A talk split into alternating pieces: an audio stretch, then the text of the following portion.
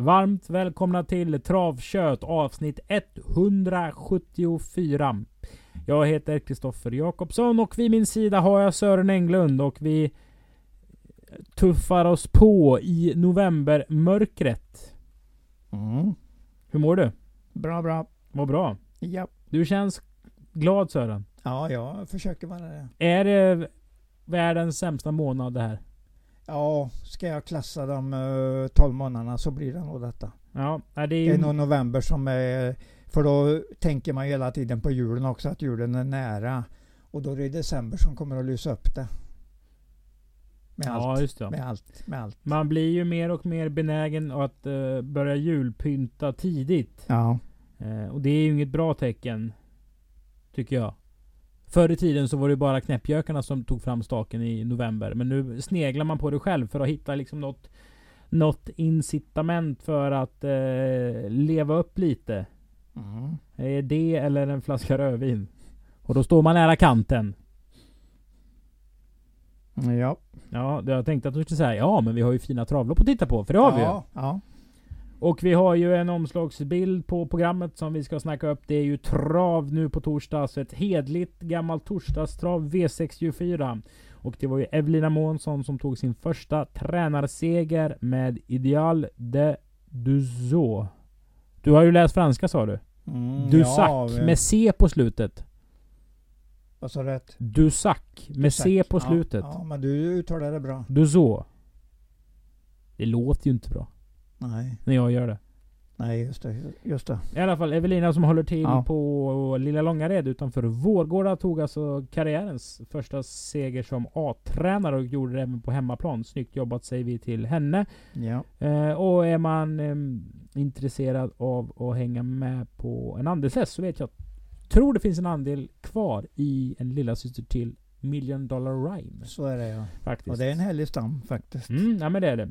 Nog om detta. Vi Ja. vänder eh, ögon och öron till eh, lopp nummer ett. Det startar 18.20 torsdag den 18 november. Och vi, vi...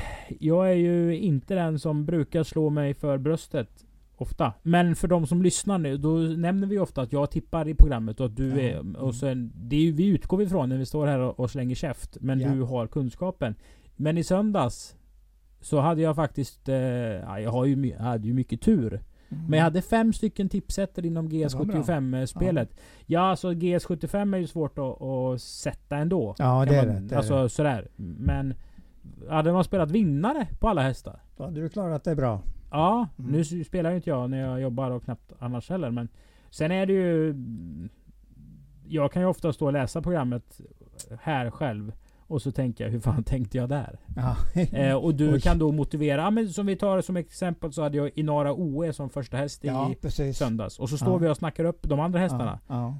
Och då hade jag ju inte fått, eh, då hade jag inte valt den som första häst när Nej. vi har pratat igenom loppet några Nej, minuter. Men det är ju nej. det som gör det lite roligt också. visst, visst. Att eh, det finns ju de Det finns väl de, men det finns väl sådär att första tanken är ofta rätt så rätt. Sen börjar man Mm, krångla till mm. och värdera och lyssna mycket på, Nej, på andra saker. Ja, man kanske inte krånglar till det men man får mer insikt i hur det är egentligen. Du såg ju också loppet, du vet ju hur hårt de andra körde mot varandra. Och när två träter så kan en tredje ligga där bakom och liksom komma till Ja. slut och ta den. Och det var ju en säker kusk som vann loppet så det var ju inte något konstigt i det. Nej, så var det. Och Han så, visste ju om att de andra var, han kände väl på sig att de andra var bättre och använde sig utav den där lite avvaktande taktiken vilket ju blev vinstgivande. sen hade jag ju Wine Lane utanför ehm, ramen helt. På Ja, mina fyra alltså, då. Ja, Eh, men Cassiopeia var faktiskt outsider. Ja. Och då tyckte jag... den gick ett väldigt bra lopp. Ja, men jag tyckte det var kul också. Vi snackade ju Mm. Magnus Ladegård i podden. Ja, exakt, exakt. Eh, även svensk eh, historia om Magnus Ladulås och sådär. Ja, ja. Eh, och sen, sen, alltså Sjunnesson, han har ju precis vunnit med Magnus Häst och då kanske Mm. liksom blir lite bättre. Fast Mm. det kändes fan inte som det. Och, och Sjunnesson har ju kört... Har kört 25 000 travlopp. Oj. Den frågan hade jag ju inte tänkt att jag skulle behöva svara Han har på. kört men- rätt många i alla fall. Ja, han har kört. Han är ju väldigt, väldigt... Han duktig. hävdade bestämt att, Ja. eh, eller bestämt, han sa att det är topp 5 travtränare och hästmänniskor jag har Mm. kört och arbetat med Magnus Ladegård. Det är ju stora ord för jag, jag vet ju att han har kört upp må- väldigt många bra. Ja, ja, Stefan Hultman, Hans Adielsson, Veijo Heiskanen. Alltså Ja. det går väl att nämna supermånga. Absolut. Eh, absolut. Det går bra Även för... Ola Karlsson är ju faktiskt riktigt duktig. Ja, men han är ju inte på den Ja. nivån kanske. Ja men han är, han är ändå rolig att följa med hans, när han Ja, kommer med sina absolut, hästar. absolut. Och vi sålde ju slut på vårt eh, GS75-system som vi gjorde också. Vi spelade ju Ja. endast för 7 rätt. Ja. Så det blev eh, tyvärr inga 3 femmor tillbaka. Det hade vi ju haft. Vi flög ju första fast jag hade den första rankad i programmet. För jag tyckte Ja. att jag Ja. hade gjort fel alltså. ja du tyckte det? Eh, och sen så spikade vi ju Federer efter Spinal Tap AT blev struken. Den hade jag ju, jag sa att det var tur. Den hade jag ju etta i programmet. Mm. Även om Spinal Tap var med. Sen gick vi ju hårt på Joe de BR. Ja. Eh, årets mest felspelade häst. Den såg väldigt fin ut. Ja men den stod ju A17, Ja, 16, ja, 15 ja. gånger pengarna. Ja det, det, var, det var högt. Det var Alltså högt. en klasshäst, eller klasshäst, men en klassig häst som gör debut Mm. för Berg. Mm. Ja. Mm. Ja, så att nu... Det blev ingen på den den här gången men det var, ju- den är ändå rolig att följa. Och jag tänkte att vi skulle börja prata om det bättre och då, tänkte jag lite för mig själv att nu har jag tippat så jävla dåligt så Ja. jag får säga lite att jag gjorde det bra i söndags i alla fall. så man inte blir totalt sågad efteråt. Ja. Eh, Men du kunde väl bara hänvisa till resultatet om man hade spelat allihopa. ja. Då blir det ju bra resultat. ja, och det, det, det, det är ju lite så man räknar. Det var en bra return of investment. Ja, Eller roi som Just, betyder just. kung på spanska. Loppet, det är ju ett eh, Japp. storlopp, ett nolllopp. Business AF har springspår, gick 16,9 senast. Travades i sådär. mm, Eh, men eh, Osen är ju finurlig. Fin gubbe. absolut. Han har varit med länge så att han, han kan det här. Han vet, vet hur hästarna presenteras.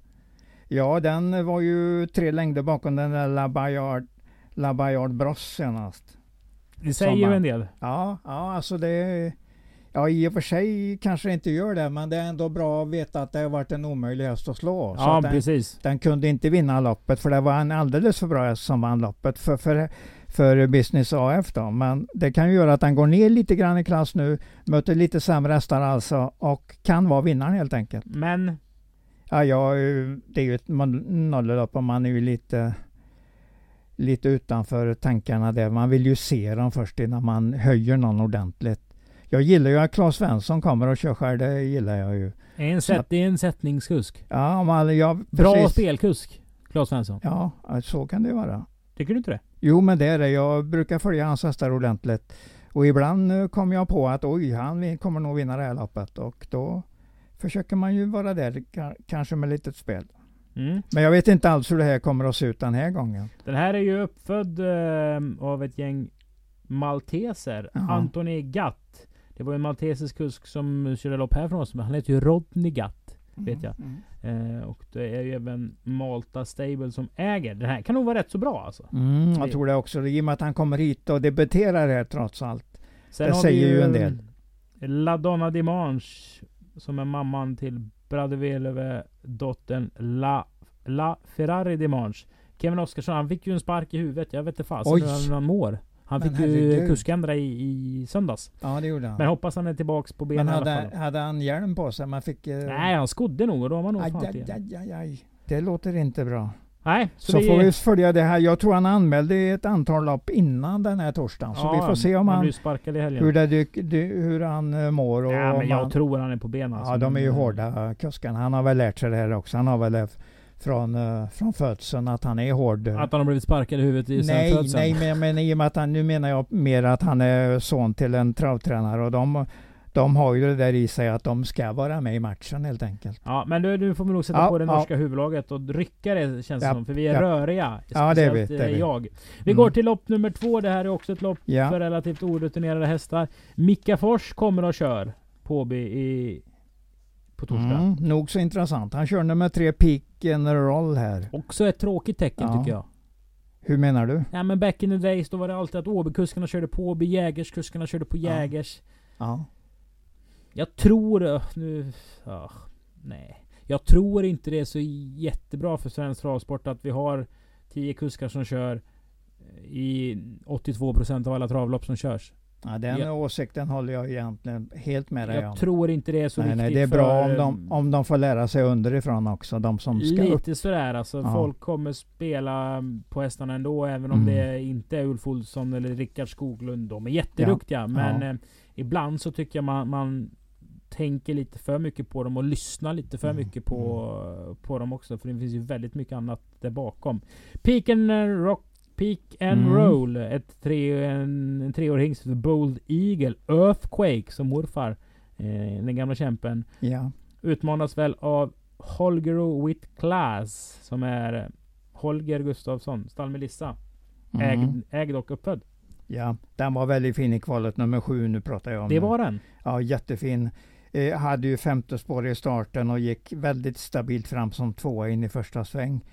Och det var, det var rätt stort fält också, så den gjorde, eller det var väl det loppet som var stort fält. Det är bäst jag tittar i anteckningarna här. Den tog i alla fall ledningen gratis för den som ledde felade i första sväng. Och sen körde han undan 16 och tre sista varvet, 15 sista fem. Så att det, nej, det såg bra ut. Det såg ut som nästan en eh, kommande debutvinnare. Och vad har vi nu i striden? Eh, Championstriden. Eh, 40, förlåt, eh, 56-49 till, till Johan. Gått otroligt starkt de Ja, sista tre dagarna. Riktigt bra, Johan. riktigt bra. Och här har han ju ytterligare i alla fall en bra chans. Mm, och Berg är Ja. väl avstängd va? Ja, ja han Ja. är väldigt mycket. Han har väl två avstängningar till som han ska klara Nu ska man ju inte räkna ut eh, Robert, för han kan ju kraftsamla och spurta uta helvete. På ren Det- svenska. Men när Johan nu också är liksom första kusk åt Peter. Ja, ja. Då snackar vi ju alltså bara Det där. blir mycket att hämta in de här sju faktiskt. Ja, vi snackar ju Ja. någonstans 230 hästar att välja bland. Ja. Eh, ja, de kämpar bra på och det, det det blir säkert... svårt till och med för Robert då, Ja. att kontra mot det där som Ja. har 90 ståendes eh, här nere, eller 100 eller något sånt där. Ja men det, det är en strid i alla fall. Vi hoppas på det att, eh, att Robert kommer i närkontakt så att vi får riktigt intressanta tävlingar på slutet. Jag vill säga Alison Face. Eh, ja, ja. Det kan du väl, det kan du väl göra. Eh, jag vet inte så mycket om den. Den har ju strulat till det förutom debuten då. Det där, och det var redan i maj. Och sen har han strulat till den och han har startat ytterligare.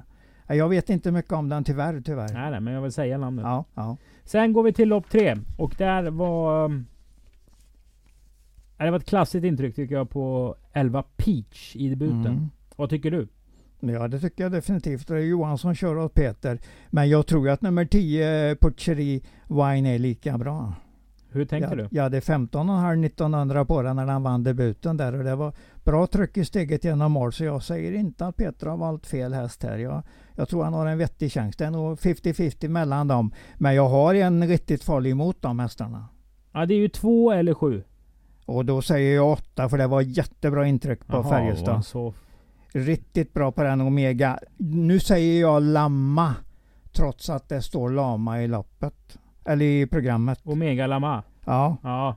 för jag tror den, eh, de har nog bara glömt det där uppehållet. För alla de andra hästarna som Jan Månsson har fött upp har hetat Lamma. Med uppehåll emellan dem. Mamman heter ju Lama. Precis, precis. Vi kör. Så jag tror, jag tror att det är fel, feltryck helt enkelt. Jag trodde du skulle komma liksom på skrällhörnan och då har vi ju Findals chassör efter Harry's Girl som vi pratar om. Och Mm.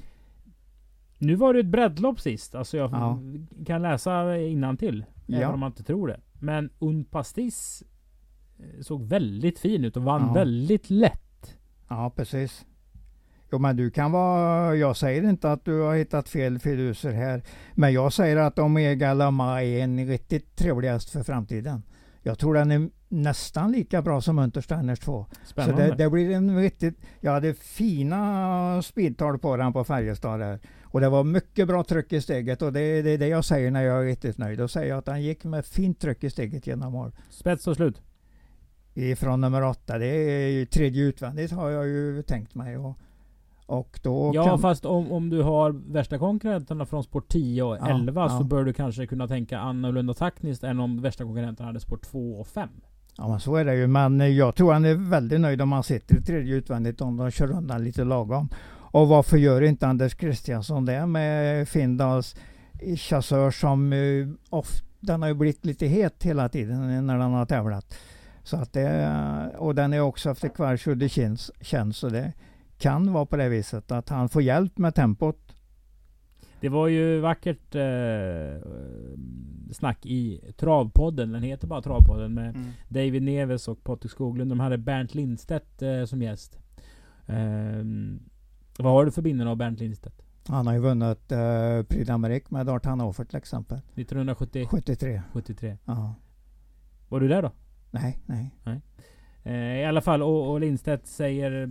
Jag tror han fick frågan liksom om favoritpositionen. Ja, och, och så han andra utvändigt. Ja, ja men ja. alltså så här, och då tittar de gärna, konsumerar ju ändå mycket trav nu. Rygg, ryggmärgssvar från Bernt Lindstedt. Ja, och det ja. var så jäkla härligt på något vis. För nu hade du sagt att andra ute någons favoritposition nu för tiden. För man får inte sitta ja, still och det, det är inte, så mycket inte, andra parametrar. Jag säger ju, jag vill gärna ha dem i tredje utvändigt men det gäller ju inte precis jämt. Men det, det, men det var ju ryggmärgsvar precis som du sa. Det kom direkt ja, från, ja, från Lindstedt. Exakt. Ja. Kommer tredje ut som ett ryggmärgsvar från dig? Kanske. För jag, det är nog den jag, eh, okay. positionen jag tänker på först. Om man ska vinna med en häst som inte är vansinnigt startsnabb. Nej det får de inte vara. Nej, då, för då kör man ju för ledningen om man har ett av de öppna spåren. Du, vi går till V64 ja. Men det här, är, det här är ett trevligt lopp. Ja, det tredje vi har pratat om. Ja, vi, det ja. märker nog folk. För vi har pratat länge och väl om det. Ja. Vi går till V64 avdelning 1. Det är det fjärde loppet. Jag stönar och suckar lite och då får du börja prata. Jag säger att den där Senbi, den nummer fem, är, verkar vara en väldigt trevlig häst. Utveckla. Ja, jag har gått bra i de loppen jag har fått tag i i alla fall i italienska lopparkivet. Senast var det visserligen då ryggledaren på Folonica är en 14 meters bana och där gick den i hårt tempo och gick ut och kryssade sig fram eh, in på upploppet och avgjorde rätt så säkert. Men det, det var fin stil på den genom mål så att det, lite annorlunda typ, lite kraftigare typ av italiensk häst. Jag, jag gillar den. Jag tror Jörgen Sjunnesson som vi redan har hunnit prata upp uh, under det, i den här podden är, kommer att vara en fin uh, förstärkning till den hästen, tror jag. Ja, jag tror ganska mycket på den hästen. Det är alltså första starten för uh, ja. Pepe? Helt rätt, helt rätt. Han har ju köpt några hästar i Italien där. Och, och denna kanske till och med är den bästa för den. Jag hittade den när de körde derbyt där för 2018 för den här kullen och då var den med i finalen. Så att det finns grundklass i hästen, det är jag nästan helt säker på. Jag har ju en liten spaning här. Ja. Det är ju att den andra hästen han köpte eh, från Italien. Mm. Barbados Mail. Den har vi ju med, har vi ju sett nu några, två starter eh, på AB. Den har inte varit vrålbra. Senast jättenära vrålbra. Riktigt bra efter galopp där. Jo men det slår ju inte så mycket till hästar. Det var ju ett 25 meters galopp, bra tryck i steget genom mål kraftig nästa gånger i mitt program. Okej, så den är jättebra? Ja, det är den. För den har ju varit sämre än sina meriter tidigare. Började på 2600 meter, nu får du försöka att spalta upp detta. Jag behöver det, inte försöka någonting. Det, du ska spalta var, upp det, var, jag säger, så lyssnarna förstår vad jag säger. Det var, ov, det var en ovan distans förresten. Ja. Kördes nog lite lagom, uh, lite lagom försiktigt. Man ställde nog inte stå, stora krav på den. Var mycket bättre senast när den gick ut på 1600. Tyvärr galopp in i första sväng. Tappade ungefär 25 meter. Kom riktigt fort genom mål. Tog på dem hela tiden. Och i mitt program NG, alltså nästa gångare. Skriver du NG? Ja. Jag Men måste du, ha ett system som gör att jag kan läsa mina egna anteckningar. Ta en, ett djupt andetag. Ja. Kör ut bröstet. Ja. Spikar vi Sembi? Eh, den går att chansa på den ordentligt. Nej, chansa ordentligt. Spikar ja. vi? Ja, det kan vi gott göra. Är den vi... så bra som du tror att den ja, är? ja, det tror jag. Den, jag är jättenöjd med att Jörgen Sjunnesson kör också, som ju ofta sätter bra hästar när de ska vinna lopp. Så att jag har med den bland de här tre jag har skrivit upp här. Mm. Motbuden ja. då har ju tuggat eh, våffla och lussekofta. Ja. Reddington var ute på V7 senast. Eh, I lördags på Bjerke. Mm. Och även Pantani. De det är inga dåliga hästar. Nej, men... Och Echelon kanske flyger till ledningen och har sitt open stretchspår att komma på. Har den form? Kan växla upp precis vilken dag som helst. En häst som har den speedprofilen kan alltid komma. Du behöver inte alltid, du behöver inte alltid vara så där riktigt inne på att värdera formen på den. För den har ett bra lopp här. Den kommer att...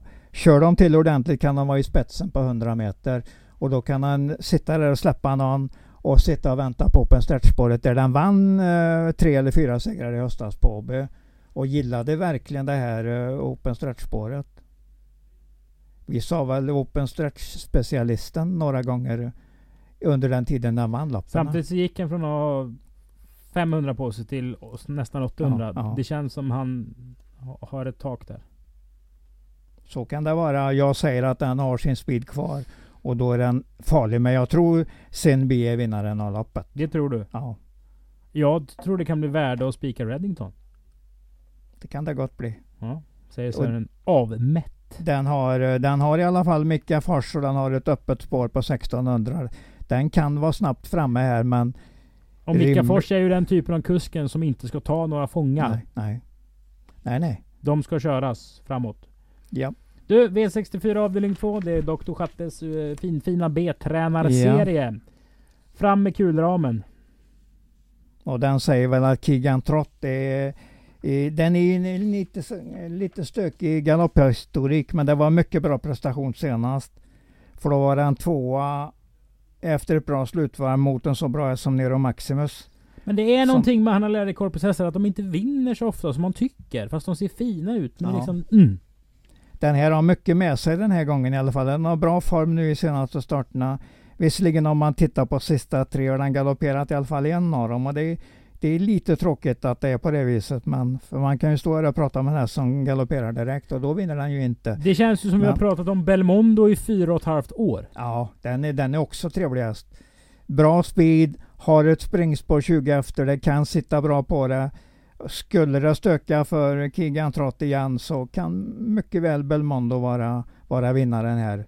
Så jag slänger fram det där, den där outsider-strecket på den hästen. I Mm. så fall, om vi ska prata om den. Och här blir det en kuskändring eh, som eh, Ja, föranleder mitt, eh, mitt snack här.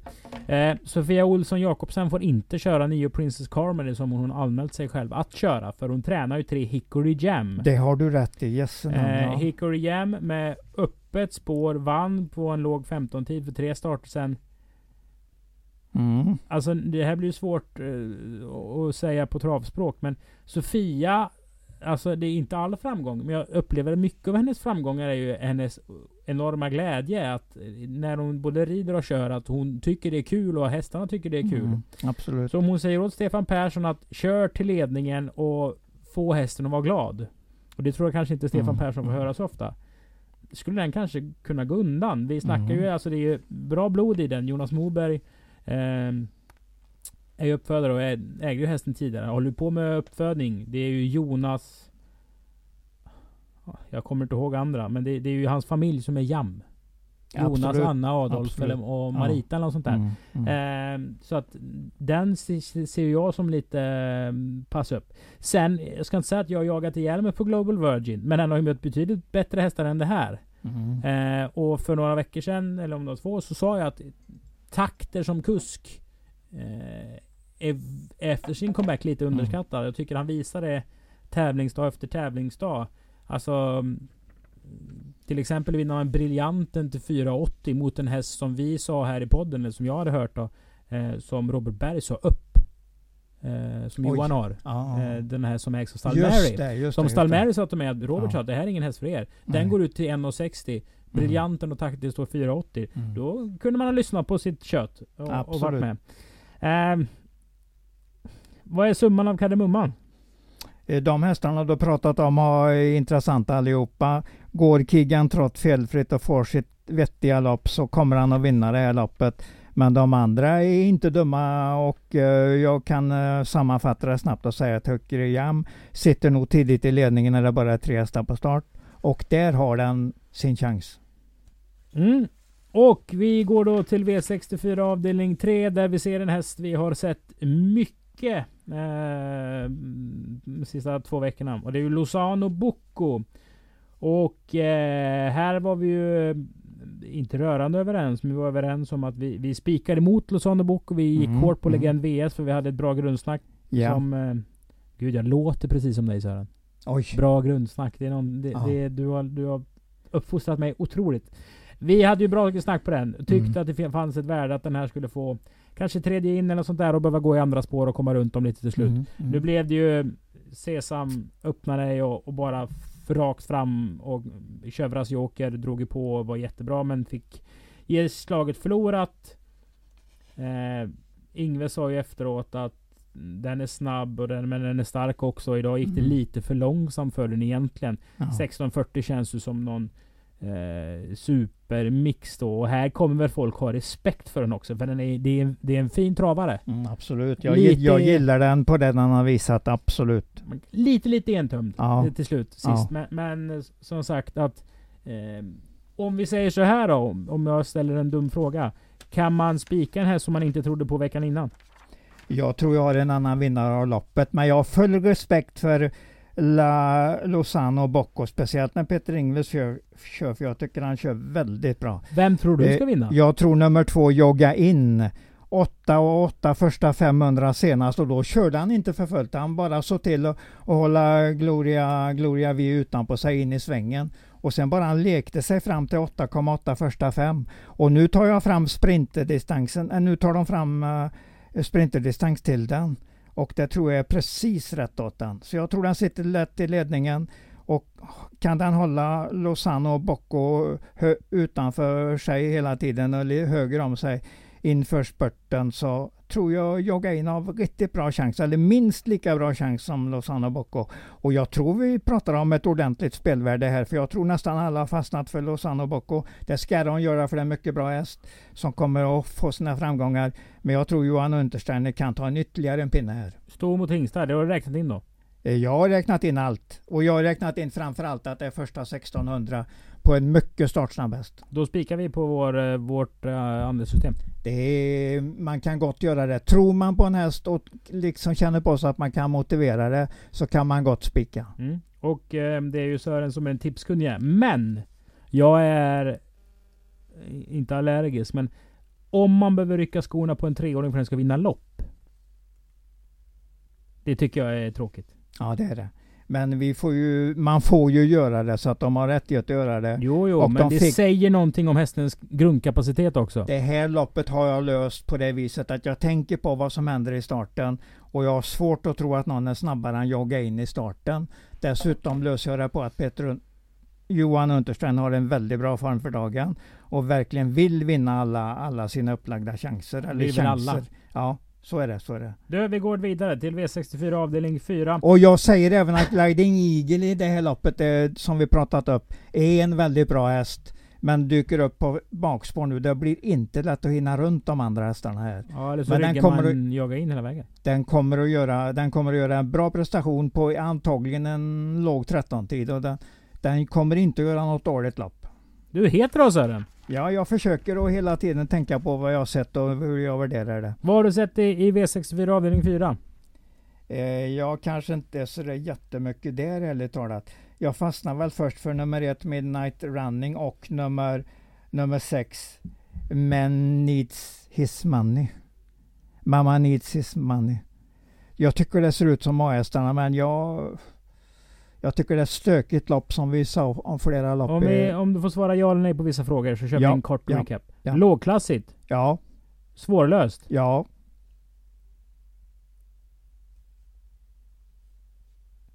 Då har du sagt ja på de två frågorna. Vilket Mm. innebär att... Svårt lopp. Ja, då ska vi sträcka många. ja. Ett, men jag säger, går man på en billig lösning så är det 1 och 6 som är A-hästarna. Ska Men man gå på en billig lösning? Vi ska tänka på att eh, Claes Svenssons hästar har vi redan nämnt att han är här. Och här det är alltid intressant och då kan nummer sju, These Days, vara, vara faktiskt nästan lika bra som de andra vi har Mm. nämnt. V64 avdelning 5. Jag har sett Le Adonai Ja, vinna från spets. Och... hur Ska man säga det här? Det känns som Johan Untersteiner har några hästar han har misslyckats med. Som han kanske inte riktigt är helt rätt på dem fortfarande. Men det gör att de står rätt så billigt inne i klassen. Alltså han har många hästar upp till 400 000 men få hästar mellan 4 till 700 000. så kan det vara. Alltså lite så här, jag tror vi har, är väl inte då behind bars med? Mm. Jo, precis. Mm. Det är ju nästa lopp. Ja precis, Ja. lite samma typ av eh, häst. Vi Mhm. har um, Lyard Bruce som en sen treåring. Han har några som liksom inte riktigt han är helnöjd med själv. Känns det som. Så, som, som kommer att komma. Vart de har kommit menar du? I Ja, men precis. Ja, ja. Så kan det självklart vara. Jag har ingen aning men jag, jag tycker den är så pass bra. eh, så att den kan vinna den från spets.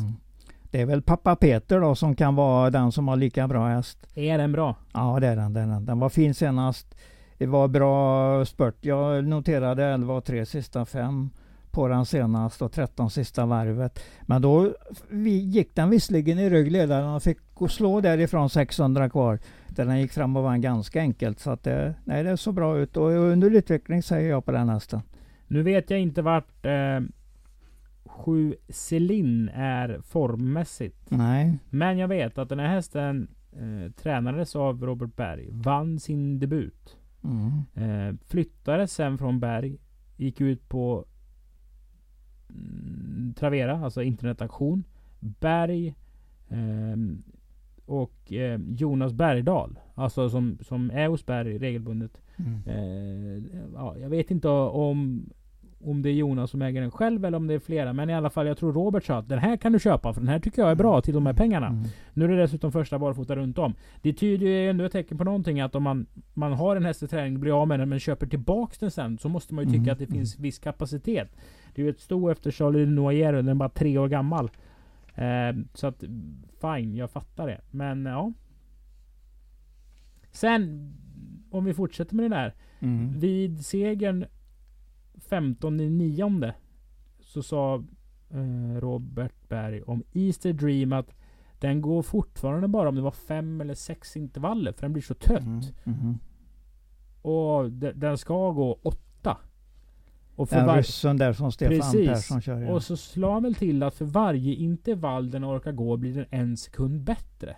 Mm. Så där ska man ju försöka liksom lyssna och, läsa till sig information. När den där kan börja gå sina åtta intervaller, men då är den mogen för en 13 tid. Så kan det självklart vara. Det är sällan man hör sånt, eh, sånt, alltså extremt snack att man kan koppla träningen till, till loppprestationen.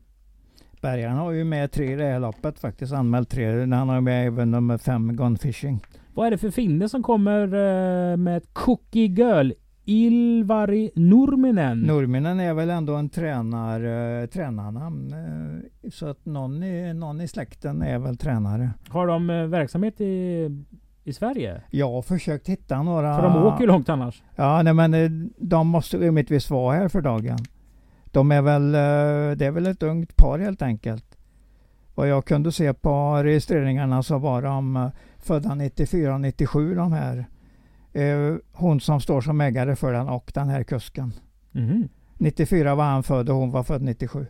Så att det, det är ett ungt par som har kommit hit. Jag, jag vet eller har de inte lämnat några, Nej, jag har inte... något snack till sportredaktionen här på sportavdelningen på AB? Nej, vi har Nej. inte så mycket med anmälan att göra Nej, längre. nej. Så att då Nej, blir just inte det, det, just det det. naturliga. Eh, vi kan väl säga Hollywood Wildcat.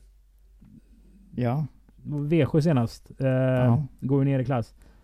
ja. Alltså det är ett stökigt lopp, det kan hända mycket. Men för mig är ranken 10 före 1. Jaha, Ja. okej. Vi går till, Men jag, jag är med på alla lösningar här. Jag tycker det är jättesvårt lopp. vi går till V64 avdelning 6. Där just nämnde Behind Bars kommer ut. Hästen som köptes till Johan Untersteiners stall efter två eller tre raka hos Viktor Lyck. Mm, så var det. Eh,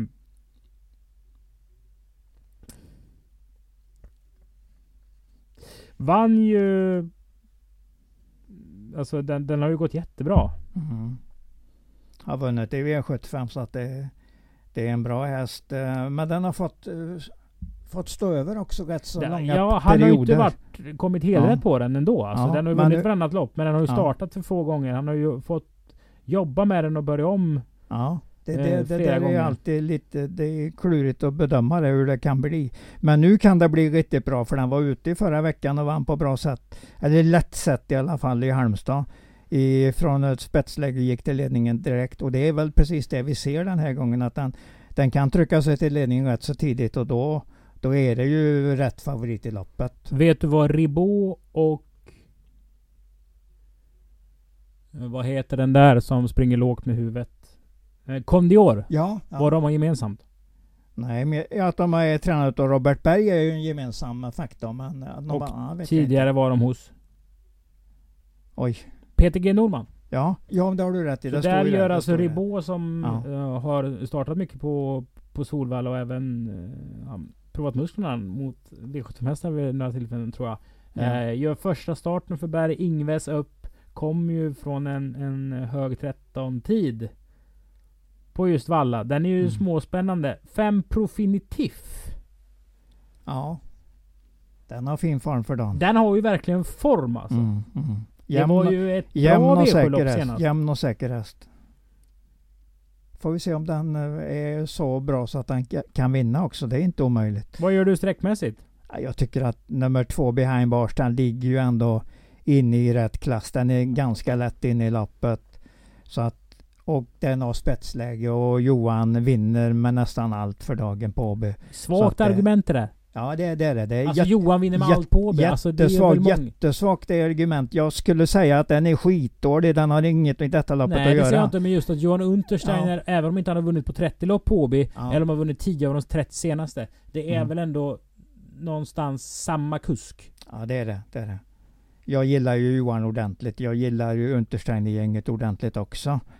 Så att och jag tror att Behind Bars är vinnaren av det här loppet. För jag tror den sitter i ledningen tidigt. Och är uppåtgående efter sin långa paus nu under, under höst och sommar och höst. Så att det, jag tror den kommer göra tillräckligt bra lopp för att vinna med ja, en och en halv, två längder mer eller mindre opressad. Vi stänger den kiosken och Ja. går till lopp nummer ett och säger Ein, Drein, Ein, Drei, Zwei, Fyr, Fünf. Fumf, ja. Mm. 1, 2, 3, 4, 5. Det är bara fem hästar med. Ja.